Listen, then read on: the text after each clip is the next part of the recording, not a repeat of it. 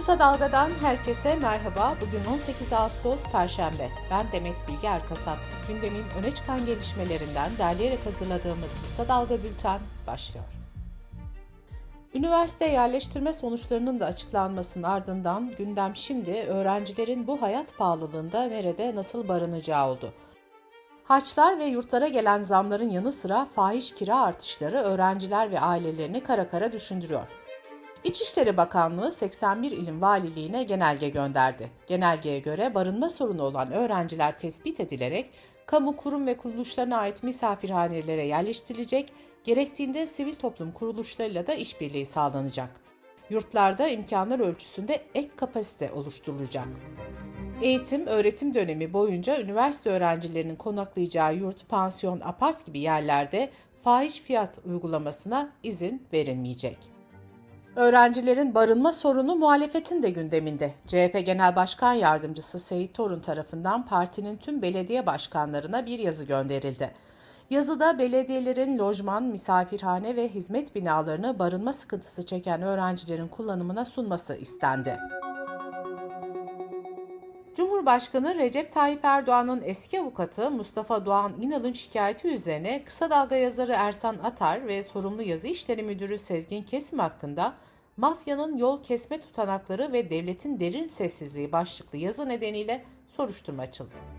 Savcılık, Atar ve Kesim'in 7 gün içinde savcılığa gelmemeleri halinde haklarında zorla getirme kararı verilebileceğini bildirdi. İstanbul 9. Suç Ceza Mahkemesi de yazı hakkında erişimin engellenmesi kararı aldı. Kısa Dalga yazarı gazeteci Ersan Atar yazısının tamamen belgelere dayandığını belirterek soruşturma dosyalarındaki belgelere dayanan gazetecilik bile cezalandırılmaya çalışılıyor dedi.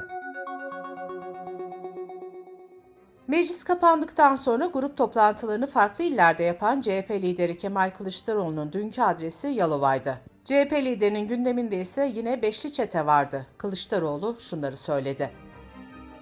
5 şirkete son 18 yılda 203 milyar 700 milyon dolarlık iş verildi. Bunlar mallarının ve paralarının büyük kısmını İngiltere ve Amerika'ya götürdüler.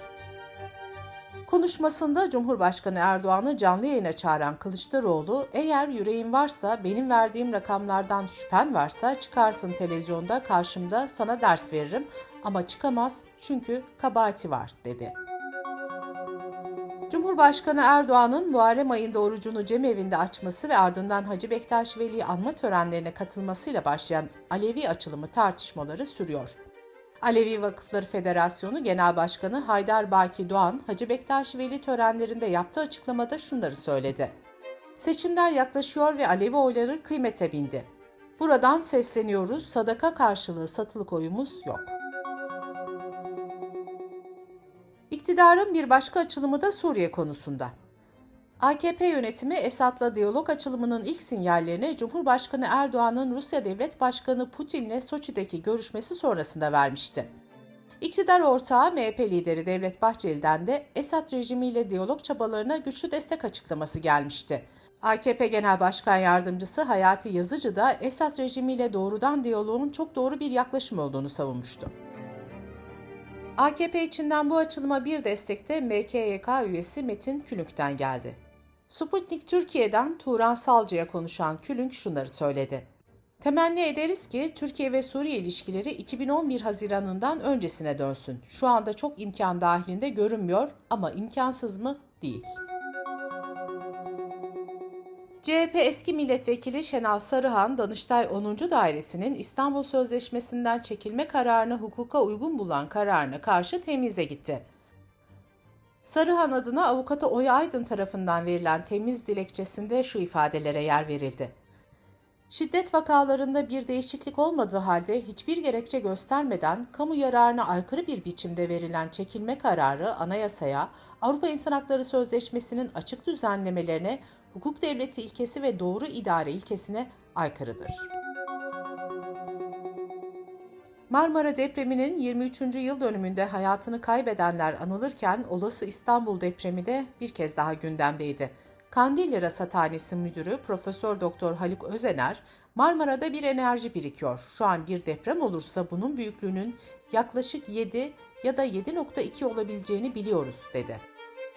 İçişleri Bakanı Süleyman Soylu ise bütün hazırlıklarımızı İstanbul'da yaşanabilecek 7,5 bir deprem üzerinden yapıyoruz. Zamanını bilmiyoruz. Yer küreyi tutabilecek halimiz ve gücümüz söz konusu değil. Ama tedbir almak bizim en büyük sorumluluğumuzdur diye konuştu. Uzmanların eli kulağında dediği depremle ilgili konuşan İstanbul Büyükşehir Belediye Başkanı Ekrem İmamoğlu ise yurttaşlara binalarını yenilemeler için çağrıda bulundu. İmamoğlu ister kiracı ister ev sahibi olsun riskli yapıların yenilenmesi için 3450 lira kira desteği verileceğini de belirtti. Sağlık Bakanı Fahrettin Koca, sağlık çalışanlarının ek ödeme yönetmeliğine dair açıklama yaptı. Bakan Koca, performansa göre ek ödeme yönetmeliğinin tamamen kaldırıldığını duyurdu. Koca, yeni yönetmelik döner sermaye hak eden herkese taban ek ödeme getirdi, dedi. Yüksek asbest miktarı nedeniyle sökümüne itiraz edilen nükleer uçak gemisinin 5 Ağustos'ta Brezilya'dan yola çıktığı belirtildi. Gemi Eylül ayının sonunda İzmir'e varacak. İzmir'de ise çevreciler asbestli gemiye karşı nöbet eylemi başlattı. Ali Ağa Çevre Platformu üyeleri bu gemiyi ülkemiz karasularına sokmayacağız ve sökümüne izin vermeyeceğiz dedi. İzmir Büyükşehir Belediye Başkanı Tunç Soyer de kararın iptali için gereken hukuki mücadeleyi sonuna kadar sürdüreceğimizden kimse kuşku duymasın paylaşımı yaptı. Sağlık Bakanlığı'nın 8-14 Ağustos tarihlerine ilişkin koronavirüs verilerine göre 7 gün içinde 143.778 kişi pozitif çıktı. Geçen hafta virüs nedeniyle 342 kişi de hayatını kaybetti. Sırada ekonomi haberleri var. Çevre, Şehircilik ve İklim Değişikliği Bakanı Murat Kurum, kentsel dönüşümde kira desteğinin 1150 liradan 1500 liraya çıkarılacağını söyledi. Bakan Kurum, Eylül ayında yeni bir konut kampanyası başlatacaklarını ve bu kampanyayla konut ve kira bedellerinin daha da düşeceğine inandıklarını vurguladı. Milyonlarca kişinin beklediği emeklilikte yaşa takılanlarla ilgili çalışma başlatıldığı ve yıl sonunda gerekli adımların atılacağı açıklanmıştı. Bu arada EYT düzenlemesiyle ilgili kulis haberler de gelmeye devam ediyor. İktidara yakın Türkiye Gazetesi'nin yazarı İsa Karakaş, EYT düzenlemesinden geri dönüş olmayacağını belirtti. Karakaş, düzenlemenin hayata geçirilmesi halinde ilk maaşların 2023 Şubat ayından itibaren ödenebileceğini yazdı. Otomobil fiyatlarındaki yükselişe karşı araç alım satım işlemi yaparak gelir sağlayan şirketlerin sıfır otomobil satışı yasaklanmıştı. Düzenlemeye göre bir galeri bayiye giderek sıfır otomobil satın alırsa aracı en az 6 ay boyunca elinde tutması gerekecek. Bu araçların aynı zamanda satılmadan önce 6000 kilometreye ulaşmaları da gerekiyor. Bu değişiklikler 15 Eylül tarihinde devreye girecek. Bu konuyla ilgili dün iki önemli gelişme yaşandı. Motorlu Araç Satıcıları Federasyonu düzenlemenin anayasaya aykırı olduğunu belirterek dava açacaklarını açıkladı. Dijital satış platformu sahibinden komise bu düzenleme sonrasında kendi bünyesinde bazı değişikliklere gitti. Sitede artık sadece otomotiv markalarının yetkili bayileri sıfır motorlu taşıt ilanı verebilecek. Koç Holding yılın ikinci çeyreğinde net dönem karını geçen yılın aynı dönemine göre %398 oranında arttırarak 15,5 milyar TL'ye yükseltti. Koç Holding CEO'su Levent Çakıroğlu başarılı bir dönemi geride bıraktık dedi. İngiltere'de yıllık enflasyon Temmuz ayında %10.1 ile 1982 yılının Şubat ayından bu yana en yüksek düzeye yükseldi. Ekonomistler ülkedeki enflasyon artışının yıl boyunca sürebileceğini belirtiyor. Dış politika ve dünyadan gelişmelerle kısa dalga bültene devam ediyoruz. Cumhurbaşkanı Recep Tayyip Erdoğan, Ukrayna Devlet Başkanı Zelenski'nin davetlisi olarak bugün Lviv'e günübirlik ziyaret gerçekleştirecek. İletişim Başkanlığı'nın açıklamasına göre ziyaret sırasında Zelenski ve Birleşmiş Milletler Genel Sekreterinin de katılımıyla üçlü bir görüşme gerçekleştirilmesi öngörülüyor. İsrail ile Türkiye arasındaki normalleşme sürecinde kritik bir adım daha atıldı. İki ülkeden eş zamanlı yapılan açıklamada tam diplomatik temsilin yeniden tesis edileceği ve karşılıklı büyükelçi atanacağı belirtildi. Rusya'nın Avrupa'ya gaz akışını sınırlamasıyla enerji kriziyle mücadele eden Almanya'nın doğal gaz depolarında doluluk oranının normalin üzerinde olduğu ancak bu kışı geçirmeye yetmeyebileceği belirtildi. Ülkenin enerji düzenleme kurumu olan Federal Ağ Ajansı Başkanı Muller, Rusya'nın gaz akışını tamamen kesmesi halinde stokların sadece 2-2,5 ay yetebileceğini belirtti. Stokların şu an %77'sinin dolu olduğu açıklandı. İklim krizine bağlı gelişmeler de dünya gündeminin ilk sıralarında yer alıyor. ABD Başkanı Joe Biden, sağlık, iklim ve vergi düzenlemelerini içeren bir yasayı imzaladı. Biden, bu yasa iklim konusunda şimdiye kadar atılmış en büyük adımdır, dedi. ABD tarihinin en büyük iklim paketi olarak da görülen yasa 8 Kasım'da ara seçimler öncesi Biden yönetiminin siyasi ve ekonomik zaferi olarak değerlendiriliyor. Yasayla birlikte sera gazı emisyonunun azaltılması ve tüketicilerin yeşil enerjiye yönlendirilmesi, yaşlılar için reçeteli ilaç maliyetlerinin düşürülmesi ve şirketlerle zenginler için vergi uygulamalarının sıkılaştırılması amaçlanıyor. Son 60 yılın en kötü sıcak hava dalgasıyla mücadele eden Çin'de bazı fabrikalar elektrik tasarrufu için üretime ara verdi.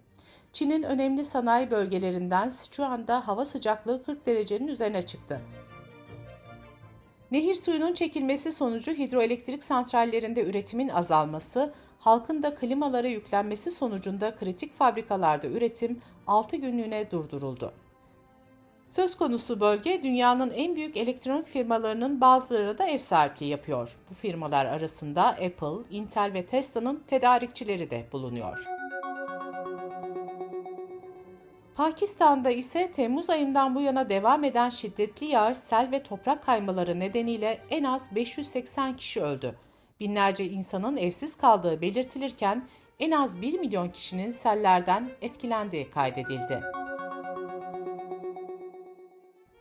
İngiltere'de üniversitede okuyan ve tatil için ülkesine dönen Suudi Arabistanlı Salma El Shahab'a Twitter hesabı olduğu ve aktivistlerin hesaplarını takip edip onların paylaşımlarını kendi de paylaştığı gerekçesiyle 34 yıl hapis cezası verildi. Bültenimizi kısa dalgadan bir öneriyle bitiriyoruz. Dünyada ve Türkiye'de ana gündem maddesi ekonomi.